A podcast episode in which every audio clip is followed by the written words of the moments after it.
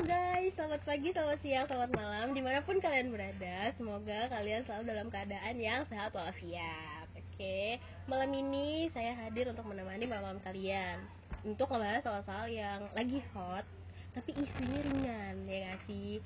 Malam ini sekitar jam 9 malam guys. Ya, Ya apalagi malam minggu daripada boring mending kita ngebahas isu-isu yang kekinian. Tapi agak berbobot guys. Untuk malam ini kita bakal ditemenin sama dua narasumber yang keren kece badai. Yang pertama itu ada Bang Adit Erlangga Mahasiswa Manajemen IPB Halo Bang Adit. Halo.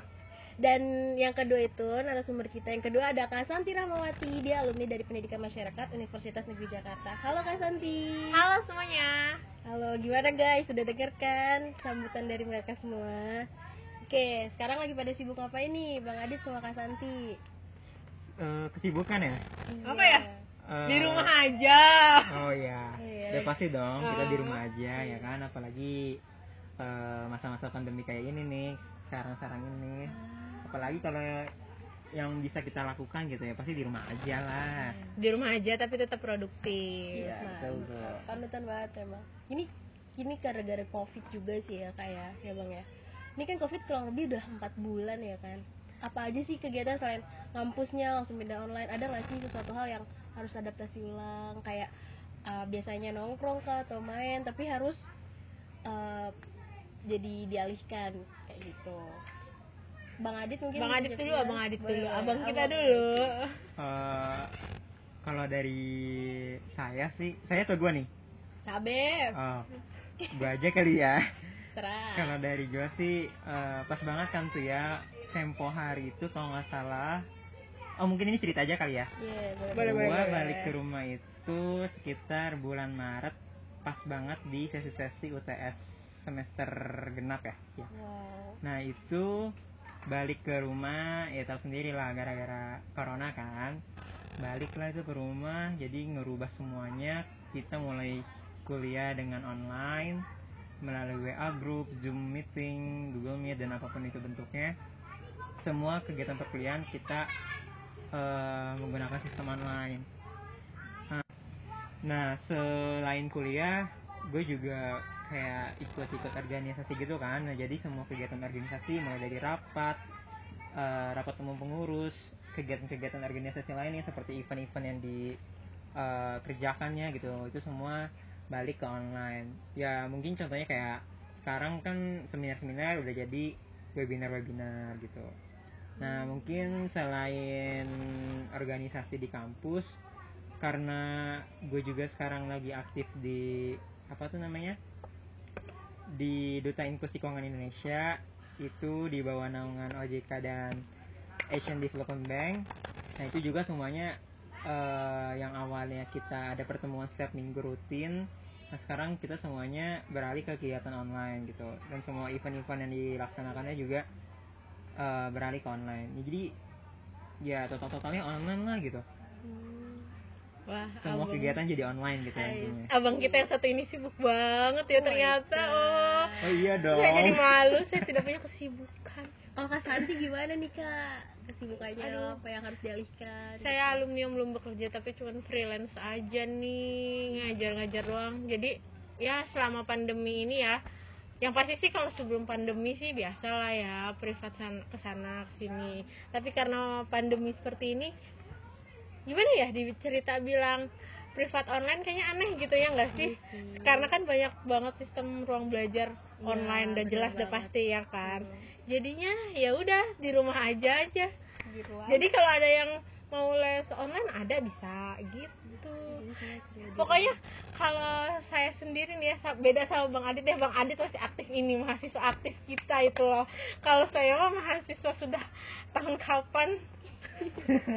Tapi tapi kalau menurut saya karena adanya pandemi ini sebenarnya nggak negatif juga ada posisi positifnya juga positifnya apa nih? Kayak bang Adit di dari mana tadi bang Adit?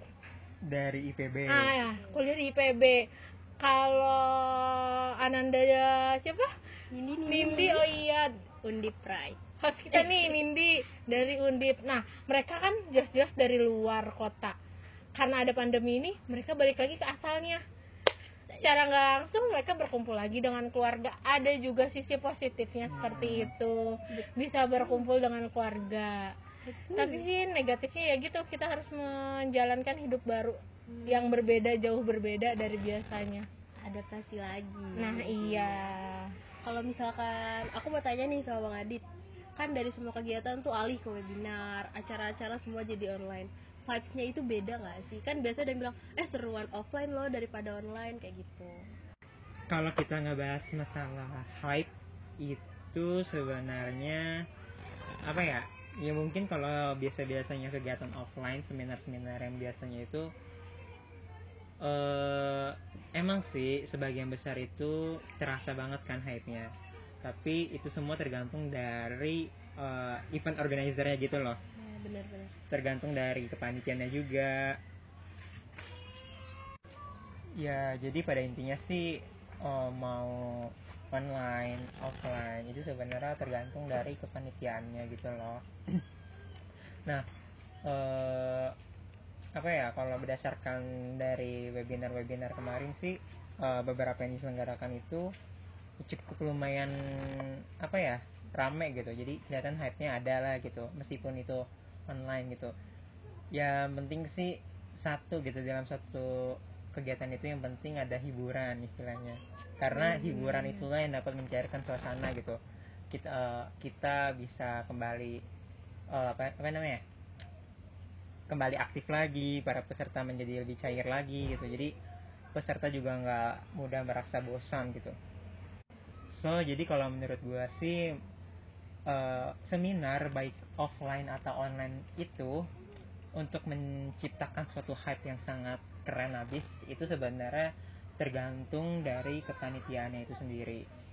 Eh, dia memulai seperti apa dia ingin menyajikannya seperti apa dan itu akan menentukan hype-nya seperti apa juga gitu. Jadi tergantung ke panitianya itu sendiri. Gitu sih. Hmm, berarti balik lagi ke yang ada acaranya bisa atau enggak dia ngebawain. Ya ya bener bener itu karena sih itu inti utamanya sih kayak gitu gitu yang pasti ngebawainnya harus asik Hmm. karena kan secara nggak langsung kita nggak tetap muka langsung Hmm, ekspresi kalau misalkan koneksi error gimana iya bener Gak kebayang kan? Iya, Nah Iya, gitu bener-bener. Ada plus minusnya balik lagi cuman sih. cuman kalau dari pelajaran kemarin sih eh, karena ini sifatnya webinar ya Hmm. dan di mana-mana rata-rata seminar aslinya itu kadang ada yang gratis kadang ada juga yang berbayar tapi lebih banyak berbayar Iya. Nah sekarang gara-gara online ini kita tuh lebih banyak kayak ngadain yang gratis plus eh, apa namanya omong-omong e-sertifikat gitu jadi Nah, iya. kebanyakan banyak peserta yang antusias untuk mendaftar gitu jadi untuk mencari peserta-peserta itu sekarang lebih mudah dibandingkan kayak secara online eh secara offline, gitu Offline. pada biasanya gitu sih jadi ada iming-imingan gitu iming-imingan sertifikat hiburan hadiah gitu Hmm. gratis ya kan pasti itu sertifikat ya. iya pasti itu Sertifikat sih yang pasti dicari tuh Iya. bener Yang diincar pasti pasti itu bisa sertifikat. ngehidupin suasana apa namanya seminar. Nah kan ngomongin online ini biasanya eh, pakai salah satu apa ya provider gitu ya. Ada nggak sih provider favorit kayak ih anik asik nih pakai ini. Ini gak sponsor ya guys tapi ya ini cuma ngulik aja gitu kan. Kalau untuk bang Adit gitu eh jangan bang Adit deh. Mending ke Kasanti dulu. Gimana nih Kasanti? Provider yang paling di kayak paling enak lah paling nyaman paling eh seru gitu. tunggu deh. Mungkin kita ngomongnya jangan provider Dan ya. Provider deh kok. platform gitulah Oke, Ah, platform. makanya. Oke, Iya, platform. provider berarti kartu dong lah pakai kartu. Kalau saya sendiri sih pakai kartu yang aduh agak agak tinggi gitu loh. Ah. yang sinyalnya tuh selalu 4G Eh, aku terus tahu, jalan. tahu, kan? iya tahu kan? sultan ya kan? Wih, tapi eh, mahal sih. Ya lah. Oke Jadi apa nih? aja, platform. Apa ya yang suka sering dipakai sih yang pasti zoom aja. Zoom ya? Iya zoom sama Vicol WhatsApp kenapa? Kenapa zoom? Karena apa zoom? Karena dari sananya mereka pada pakai zoom. Gimana dong? Oh, jadi kan sebagai apa ya gampangnya penonton lah ya. Iya. jadi kan ya udah ada ya zoom kita pakai zoom ikutan. Zoom. dan via WhatsApp lebih seringnya. Hmm. apalagi emang selain itu apa? Kalau anak sekolah kan biasanya classroom. Zo- apa Google Meet. Team. nah apalagi? MS Team Microsoft itu oh, baru dengar tuh. Iya. Iya. Kalau Bang Adit nih? Iya kira-kira apa tuh? Ya mungkin kalau buat platform terutama kuliah ya. Kuliah atau webinar lah intinya sama gitu. Sama sih kayak Kak Santi gitu kita lebih sering menggunakan Zoom Meet. Ya itu sih apa namanya lebih sering pakai Zoom meeting terus ada Google Meet juga terus mungkin kalau buat tugas-tugas kita lebih pakai ke Classroom. Terus kalau dari IPB sendiri kan ada yang namanya apa tuh namanya New LMS kan. Nah kita lebih sering kayak buat eh, materi-materi kuliah kumpul-kumpul tugas kuliah itu kita lebih sering menggunakan eh, platformnya New LMS itu terus apalagi itu sih kayak mood itu sih kayak modelan Moodle mungkin kayak tadi juga Kak Santi udah nyebutin yang namanya mungkin WhatsApp group eh WhatsApp WhatsApp. gitu eh, WhatsApp group. gitu kali ya. Iya. kan sekarang kita- bisa tuh bisa Iya benar. Kita Iya. jadi lebih diskusi ke situ gitu, bahas-bahas materi, bahas-bahas tugas sama dosen gitu. Itu sih. Oh ya mungkin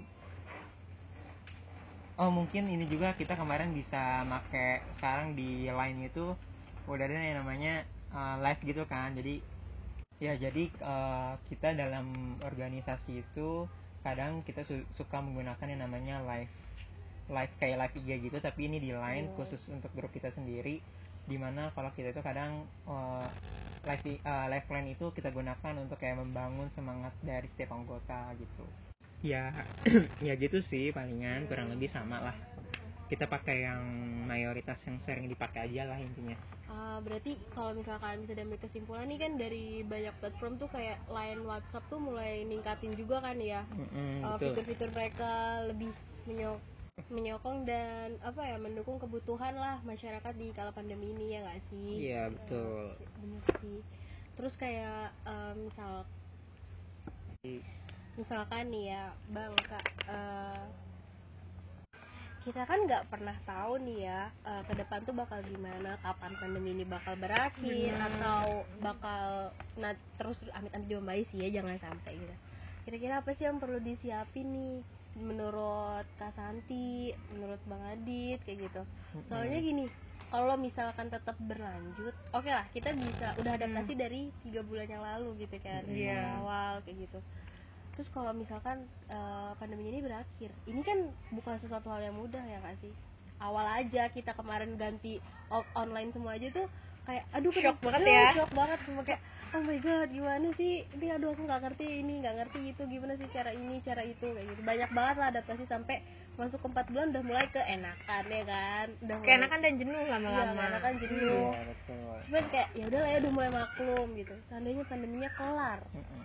Gimana tuh adaptasi lagi dari ulang kayak gitu.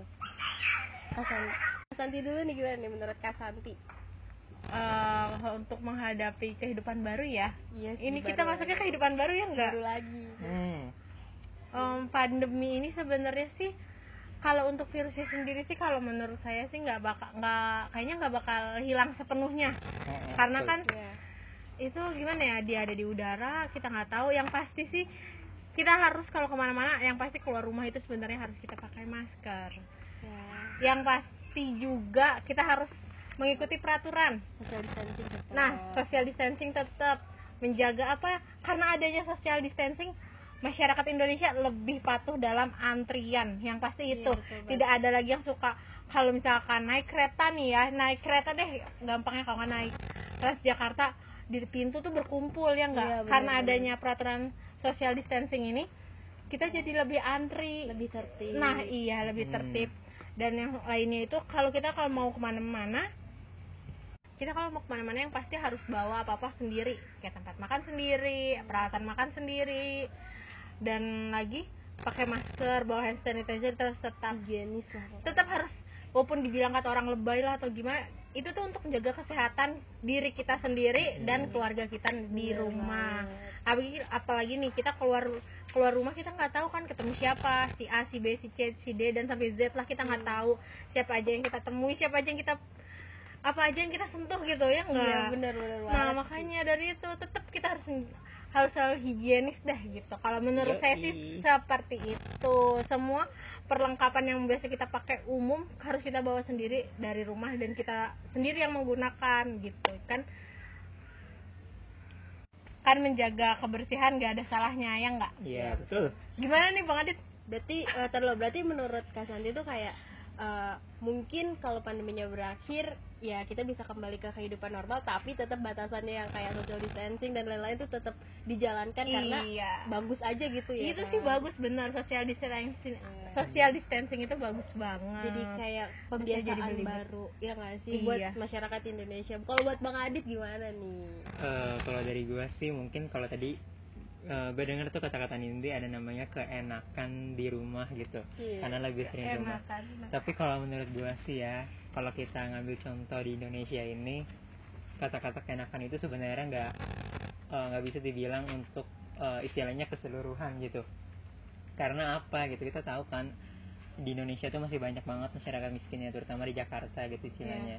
Jadi eh, bagi eh, mungkin bagi sebegi- sebagian besar ma- eh, masyarakat-masyarakat yang miskin-miskin kayak gitu kata-kata keenakan itu nggak ada di eh, di mereka gitu ya jadi betul. eh, mereka yang maunya kerja kerja aja supaya mereka tuh bisa menghasilkan sedikit uang atau nafkah gitu untuk menghidupkan keluarganya ya kan Iya, untuk Sebenarnya bertahan gitu sih. hidup. nah ya terus kalau misalkan kita mau ngomong eh, jadi eh, apa sih gitu selanjutnya kehidupan yang baru setelah pandemi ini gitu Iya.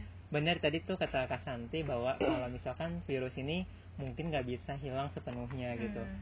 mungkin eh, nanti kitanya aja gitu yang kebal ke terhadap Terhadap virus ini virusnya. gitu terus mungkin juga gitu kalau apa namanya eh, kehidupan setelah pandemi ini terutama kita bakalan apa ya eh, akan lebih meningkatnya eh, ketergantungan kita terhadap teknologi gitu karena tadi kan seperti ya seperti yang tadi kita sudah ngomongin gitu loh tentang uh, Zoom meeting, Google Meet, WhatsApp group ya jadi intinya kita akan lebih sering sih ketergantungan sama yang namanya teknologi gitu. Terus yang kedua eh jam sibuk bakalan berkurang gak sih kalau menurut kalian itu? Kalau menurut gue sih sebenarnya jam sibuk itu bakalan berkurang gitu karena eh, nanti kan kita eh, sebagian besar lebih ngambil ke yang namanya kerja di rumah dibandingkan kerja ke kantor atau ke sekolah atau kampus atau apa pun itu jadi istilahnya dengan adanya berkurangnya jam sibuk itu sendiri eh, tentunya kayak angka-angka kemacetan, angka polusi itu bakalan berkurang Aduh, gitu, bener-bener. Lam, eh, lambat lambat eh lambat launnya nanti gitu. Itu sih itu sebenarnya itu eh, istilahnya berdasarkan apa ya?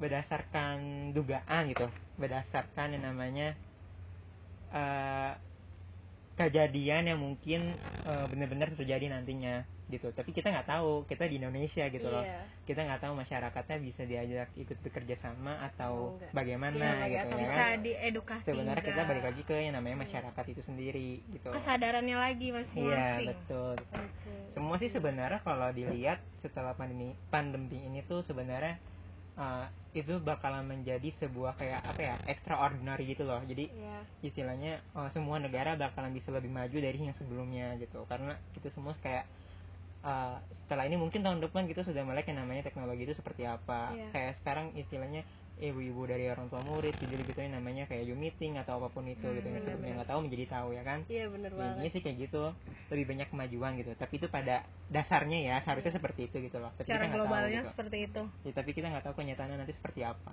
Karena kalau misalkan dilihat ya kan Hmm. eh, Kak Santi, Bang Adit dari pandemi ini tuh kayak menuntut suatu negara untuk maju di awal. Ya benar nggak sih? Kayak kita tuh melek teknologi Iya, masyarakatnya harus benar-benar melek teknologi. Awalnya yang eh, nggak ngerti gadget dan lain-lain, tapi karena anaknya sekolahnya online terus Mm-mm. dituntut harus bisa ngoperasiin berbagai platform yang mungkin asing ya nggak sih Iya, gitu betul. kan. Hmm, bener banget sih. tapi yang pasti nih ya kalau menurut saya sendiri dengan adanya pembelajaran dan pekerjaan dan segala macem Mm. yang pasti untuk pembelajaran deh ya untuk Hmm. anak-anak yang pasti ya kan menggunakan gadget itu harus tetap didampingi baik Orang tua. orang tua ataupun siapa pun harus ada yang mendampingi karena apa Ya. kan mereka ini anak anak-anak yang sedang bertumbuh kembang kalau terlalu sering melihat gadget apalagi dengan jarak yang begitu dekat Iya, Ya bisa kan? ngerusak mata. nah juga. itu dia radiasi. yang Iya. pasti harus pendampingan Mm-mm. pendampingan yang benar-benar harus Iya. dibatasi juga jangan terlalu sering. Ya sebenarnya itu kayak misalkan belajar online gitu atau apa pun itu sebenarnya kayak kadang ada satu istilah kan kita jangan terlalu melihat banyak ke belakang kita harus terus pandang ke ke depan, depan ya kan? Keren. tapi kalau menurut gua sih sekarang ini terutama belajar online ya jadi kayak kita itu mengingatkan kembali bahwa adanya suatu tugas di mana orang tua itu menjadi seorang guru gitu Iya. ya kan orang eh, maksudnya kebanyakan eh, pepatah bilang kalau orang tua itu adalah segalanya bagi kita ya kan Iya, benar. baik jadi dokter guru apa pun itulah intinya Iya. ya kan nah sekarang kembali lagi nih istilahnya ke masa lalu di mana orang tua itu pada eh, orang tua itu lebih banyak eh, bekerja sebagai guru gitu di dalam keluarga Iya. ya gitu sih jadi intinya eh se- di mana yang eh, apa ya sejak eh, lama itu sudah mulai sedikit kita tinggalkan nah sekarang mulai lagi gitu muncul di mana adanya eh, tugas orang tua sebagai guru gitu jadi kayak istilahnya menyadarkan kita lah gitu Ah, soal gini nih ya, soal tadi kan udah disinggung nih sama Bang Adi juga sama Kak Santi soal eh, sekolah online ya gak sih? Terus juga orang tua yang mengajarkan kayak gitu. Kayak gitu. Anak-anak tuh kan eh, biasanya dia main gadget itu untuk eh, PUBG gak sih, mainan-mainan Mobile Legends dan lain-lain. Mereka tuh udah udah jago soal kayak gitu. Tapi ketika ketika mereka harus eh, apa ya? pindah platform ya ibaratnya pindah aplikasi ke aplikasi edukasi tuh mereka kayak Shock bingung, gitu ya? eh, shock nggak ngerti akhirnya mamahnya lagi yang turun walaupun mamanya nggak ngerti juga tapi ya udah orang tua lah itu yang ngebimbing lagi yang eh, ngajarin lagi kayak gitu dari nol yang tadinya mungkin orang tuanya nggak pernah kenal sama gadget tapi dituntut banget kayak eh, sekarang tahu nggak sih kalau ngumpulin tugas-tugas tuh lewat linknya nggak bener nggak sih? Bang Adit kak Santi Iya, bener benar, bener kayak lewat link. Kadang ada orang yang mungkin dia nggak paham terus gini eh, nanya sama kakaknya kak ini linknya gimana kak? Mencetnya udah dijawab terus nggak ngerti cara ngirim dan lain-lain. Mereka akhirnya ngerti kayak makin melek teknologi gitu. Iya benar Gitu banget sih. tuh pokoknya eh, setelah pandemi semua eh, ad- apa ya budaya baik yang udah dilakukan waktu pandemi itu jangan dihilangin. Hmm. walaupun harus beradaptasi lagi sama yang keadaan offline yang pasti sih mengajarkan orang tua juga untuk lebih sabar mengajar anak. Betul Nah. itu susah banget. Betul betul betul iya kan bayangin seorang guru ngajar langsung 30 murid. Ih minimal gitu ya kan? beda-beda. Nah, karena adanya pandemi ini orang tua banyak juga kan banyak orang tua yang mengeluh gitu ya kan? Ngajarin anaknya di rumah sampai pada ada yang darah tinggi lah. Iya. itu pada salah satu sebenarnya buat orang tua lebih mengerti akan perjuangan seorang guru gitu. Tuh, bisa didengar nggak guys? Sih ya kan? Kalian bayangin nih eh, adik kalian yang belajar susah banget dia atur guru sekali nanggepin berapa tadi? Minimal 30 anak. Itu Iya, untuk SD sampai. SMA kan ya kurang Iya, lebih betul. 30 minimal loh itu Makanya guru itu luar biasa dan jangan lupakan jasa guru. Mereka adalah malaikat tak bersayap. ah, Setelah orang tua, guys. bener bener bener betul betul betul betul Hmm. Tapi mungkin nggak ya nanti kalau misalkan setelah apa namanya setelah pandemi nih, Hmm. kan pandemi ibaratnya udah clear lah gitu, balik lagi ke kehidupan normal. Orang tuh bakal kayak lebih, misalkan ya, ketika Hmm. kita ngadain meeting, orang-orang kayak lebih sering datang, lebih relevan, lebih aktif ketika online. Jadi mereka kayak ngerasa, oh aku lebih gampang didengar kayak gitu. Hmm. itu mungkin nggak nanti ke depannya kayak ah udahlah kita meetingnya pakai platform aja nggak usah lah meeting langsung di ruangan kayak gitu gitu mungkin ya sih kayak gitu. Ya kalau dari gue sih ya yang tadi gue udah jelasin gitu. Hmm. mungkin mungkin aja. Bahkan kalau kayak kisaran pekerja apa ya kisaran kayak kantor-kantoran gitu mungkin mereka bahkan lebih sering gitu menggunakan yang namanya sistem online gitu. Hmm. dari meeting-meetingnya. Karena eh, keuntungan dari online ya yang pertama itu. Yang jelas murah. Hmm, Iya. betul. murahnya dari segi ongkos. Betul. Ya kan? Kita nggak harus ke kantor nggak harus ke sekolah ke kampus atau apa pun Iya. itu kita jadi di, diem di rumah aja. Iya. yang kedua simple. Kita nggak harus menggunakan istilahnya jas gitu atau Ah, kemeja iya. atau apa pun itu. Yang penting rapi. Ya kan? Yang penting kita rapi Iya. gitu terus yang ketiga apa ya mungkin itu sih eh, yang waktunya itu fleksibel. Ah waktunya Ya kan? lebih waktunya fleksibel. Ketentuan waktu itu bisa diciptakan kapan aja gitu kalau kita mau meeting atau apa pun itu. Ya. yang penting judulnya online kan di mana pun itu bisa jadi kapan pun itu juga bisa jadi ya dalam kan keadaan Hmm, apa pun. Keadaan. Iya. Nah, istilahnya kayak gitulah. Cuman ya negatifnya ya itu yang pertama jaringan yang pasti. Iya. Ya kan? Jaringan itu apa ya bener-bener Eh, harus yang agak krusial banget Ah, lah iya, istilahnya. Satu. Krusial banget gitu kalau namanya jaringan ya kan? Itu sih jadi mungkin mungkin aja gitu. Bahkan bukan mungkin Hmm, sangat mungkin sangat untuk mungkin. dilakukan gitu. Tapi kalau misalkan balik lagi ke keadaan sebelumnya sebelum covid ini yang mana itu rapat eh, lebih sering ke offline itu pasti gak menutup kemungkinan juga bakalan terjadi lagi gitu tetap Itu sih. menggunakan sistem offline iya jadi offline online gitu tetap dua-duanya lah kepake dipakai. gitu ya tergantung kondisi tergantung hmm, tergantung keadaan apalagi kalau misalkan eh, meeting lintas negara Ah. kan bisa jadi kan tuh kan Iya, Bener-bener. pasti ada sistem, sistem online juga nanti ujung-ujungnya iya iya benar sih apa ya dilihat situasi dan keadaan kalau Iya, untuk gitu sih. ke depannya itu bagaimana Iya. Hmm. tapi kalau misalkan dibilang-bilang kan kalau dulu kan agak pusing aduh ngoperasiin ini gimana ini gimana gitu Hmm. bahkan untuk on offin suara aja gak ngerti gitu kan. Awal. tuh kalau sekarang tuh kayak ngerasa eh jam jam satu jam 2 ini harus meeting di tempat A. Nanti jam 3 langsung meeting tempat B. Kan nggak kebayang kalau itu dilaksanakan secara offline di dua tempat yang jauh kan Hmm. ini. Tapi karena ada platform ini memudahkan kayak gitu. Lama-lama juga kita bisa eh, apa ya terbiasa gitu Iya, menggunakan terbiasa, hal seperti itu bener banget terbiasa itu dia kuncinya gitu sih adaptasi untuk terbiasa Cie. Hmm. semuanya akan lancar-lancar aja kalau kita sudah terbiasa Iya. Bet- sudah paham apa yang mau kita lakukan ke depannya bagaimana Hmm. karena kita harus ini sih ya eh, harus mau mau ber apa namanya berkolaborasi lah sama pandemi mau berkembang nah itu juga berkembang kan gini pandemi ini bukan suatu hal yang diinginkan sama semua orang ya nggak Iya. Dan pilihannya cuma dua mengusir atau eh, berkompromi. Kita nggak mungkin ngusir dia ya kan sih? Dan dia kita juga nggak mungkin diusir Iya, kan? kita nggak mungkin diusir itu negara kita gitu. Tapi ya udah pilihannya aja berkompromi sama keadaan itu.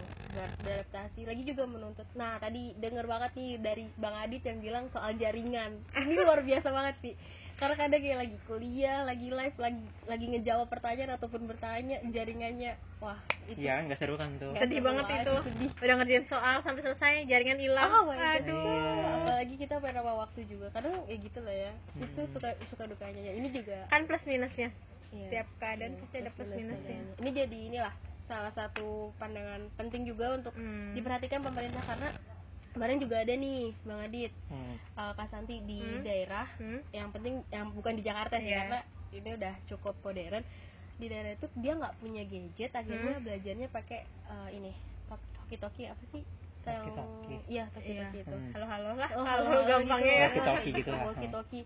ya gitu kan sesuatu hal yang eh, kayak menjadi momok bahwa Indonesia juga harus lebih maju lagi ke depannya soal jaringan Hmm. eh, teknologi dan lain-lain Ya itu sih eh, kalau kita lihat istilahnya Indonesia pembangunannya masih belum merata gitu. Hmm. Iya. Gitu sih. cuman bukan cuman sih sebenarnya sudah bagus cuman eh, masih belum menyebar ke pelosok-pelosok lah istilahnya. belum merata yang Belum pasti belum merata, merata iya. karena Hmm. eh, ada satu ah, enggak ada satu daerah sih. Ini yang saya tahu ya? Iya. Dan saya melihat gitu sendiri. Apa tuh kak? Ya mereka belajar tetap berkumpul. Jadi kumpulnya gini sesuai zona. Misalkan dia di kampung A. Nah di situ di kampung A dia ada berapa murid. Nah da- ntar mereka belajar di rumah siapa dan gurunya yang akan Datang. datang. ke rumah tersebut. Mereka bilangnya eh, pas saya tanya kan kok kamu nggak belajar online? Gitu. Iya. oh kak di sini aku nggak belajar online. Kita di sini sistemnya zona. Jadi kita belajar itu kan di rumah teman aku gitu. Teman dia yang dekat dengan gurunya yang biar bisa menjangkau. Terharu lah aku dengar. Makanya itu. Karena ada kemauan untuk belajar nah itu anak-anak itu. Luar biasa. Jadi ya harus didukung sih. Iya sih itu sebenarnya termasuk ke dalam dampak positif sih kalau Iya, kalau dilihat gitu. Karena Hmm. Yang pertama meningkatkan solidaritas Ya, ya Iya, kan? luar biasa Terus yang solidaritas. pertama eh, sosialnya meningkat ya Ih. kan? Kesadaran sosialnya Iya, meningkat. Berat. dan yang ketiga kesenjangan sosial semakin berkurang ya nggak sih? Iya. Ya sih sedikit lah sedikit sedikit mulai berkurang. Sedikit jadi kalau dianggap sih kalau dari gue sih sebenarnya pandemi ini tuh kayak istilahnya jembatan gitu. Jembatan Iya. ini kan 2020 nih. 10 tahun lagi 2030 30. atau 15 tahun lagi 2045 yang mana itu disebut sebagai tahun emas gitu. Masa-masa emas ya kan? Semoga istilahnya Indonesia- kalau gue lihat sih sebenarnya 2020 ini pandemi ini tuh kayak sebagai jembatan menuju kita untuk lanjut ke tahap selanjutnya gitu. Jadi Iya. di mana kita benar-benar harus sadar bangun dari mimpi Hmm. gitu. Yang tadinya santai-santai aja jadi kayak ayo nih gue harus bangun gue harus cepet-cepet gitu istilahnya ya kan?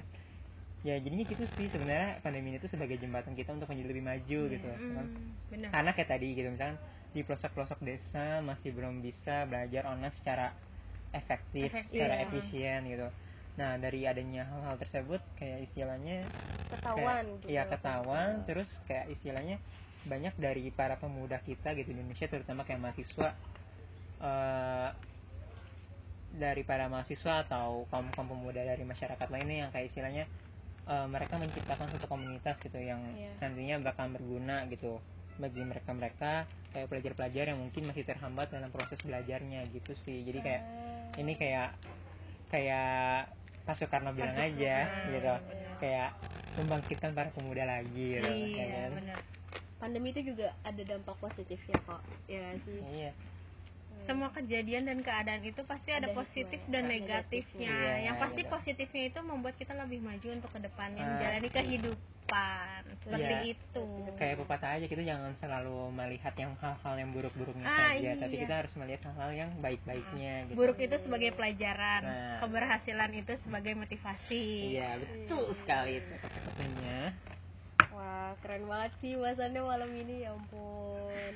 Jadi, eh, ya itulah, pokoknya eh, after pandemi semua sesuatu yang baik eh, tentang budaya baru, yang peralihan dari dari pandemi ini eh, bisa diketahui lah ya kan banyak banget yang perlu di upgrade juga dari Indonesia itu sendiri tentang eh, fasilitas teknologinya dan lain-lain. Kemudian juga untuk masyarakatnya biar jauh lebih aware ya nggak sih soal kesehatan dan lain-lainnya. Eh, selanjutnya boleh nih closing statement dari dua narasumber kita yang keren-keren banget. Udah tak dulu keren. nih? Coba deh. Bang Adit boleh, saya boleh. Aja. Santi dulu aja deh. Gimana kak? Tentang apa nih ya? tentang Tentang, yang tadi dibahas. Pendidikan after pandemi dan lain-lain. Yang pasti semangat nih buat uh, buat Generasi. generasi muda nih sekarang nih yang lagi kuliah online, serba online, tugas online, pusing online ya Jadi kan? di pandemi ya serba online, pusing pun online. Iya, Tetap semangat, selalu positif. Walaupun ada keadaan seperti ini, kita harus berpikir positif ini untuk Iya. kemajuan kita nanti ke depannya. Kalau menurut saya sih seperti itu. Saya nggak bisa banyak kasih pendapat apa apa, saya cukup seperti itu aja. semangat ini Adit. ya guys semangat Semangat pokoknya untuk Adit Indonesia. Semangat. Semangat. kalau dari gua sih yang penting eh, kita harus tetap ikuti peraturan dari pemerintah protokol-protokol harus kita terapkan eh tetap eh, di rumah aja konsumsi vitamin-vitamin lah konsumsinya makan makanan bergizi lah gitu ya. Iya, jangan lupa pakai masker kalau mau keluar.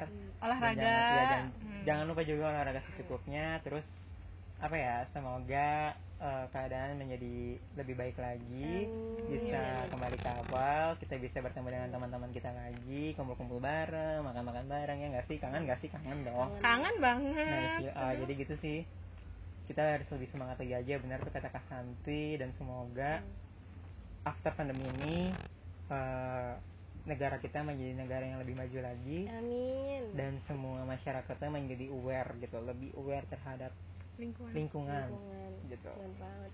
Gitu sih semangat Semangat pokoknya ya, untuk kita semua. semangat, semangat, semangat, semangat, semangat, dan guys eh, nggak boleh salah paham juga ya kita tuh di sini tetap social distancing ya nggak sih Santi Iya. Ini jaraknya satu meter satu meter gitu kan. Mm-mm, betul dan nggak ngumpul banyak banyak orang juga. Itulah pokoknya intinya semangat eh, tetap aware tetap jaga kesehatan di mana pun kalian berada. Karena eh, bagaimanapun kesehatan itu ya harus dari dari diri kalian sendiri. Kalian mau sehat Iya, ya kalian harus jaga kesehatan. Orang Gitu. sehat selalu berpikir positif. Positif. itu sih yang paling utama pikiran harus positif guys karena walaupun kita online kita nggak boleh stres kita nggak Hmm. boleh depresi dan ikut melakukan hal-hal konyol ya nggak sih ber Benar, benar, Benar benar. banget, Ikhlas yang pasti ikhlas aja udah. kelas dan ambil hikmahnya Ya, Oke. sekali Benar, benar. Aduh. terima kasih banget buat bang Adit sama Kak Santi yang udah meluangkan waktunya ya Oke. ampun ih sama-sama ini nggak ada ini nggak ada promosi-promosi nih kayaknya eh, boleh deh promosi ini ya salah satu usahanya rumahan punya bang oh enggak sih. nih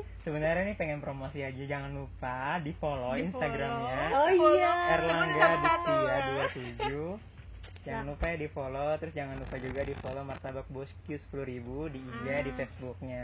Ih jangan lupa tuh guys. Tadi apa tadi? IG sama sama martabak bosku bosku. Enak banget aku udah nyobain. Tuh Kak Santi juga boleh Lanjut tuh. Kak Santi apa IG-nya Kak Santi? Biar sekalian bisa di follow kan sama teman-teman yang Mungkin lagi gabut terus dengerin podcast gitu. Ya Allah di IG saya nggak ada apa-apa. Gak apa-apa di follow aja. Ya udah deh. nambah-nambahin followers ya. Iya bener. Jangan lupa ya guys follow IG saya @santi_rhm10 gampang banget. At Santi RHM 10 tuh ya kan? Oke sekian untuk perbincangannya malam ini. Semoga dapat manfaatnya. Eh, juga teman-teman asik lah enjoy. Enjoy the listen. Eh ya apa sih? Enjoy enjoy udah. pokoknya. Sampai jumpa di podcast berikutnya. Bye-bye. bye, -bye.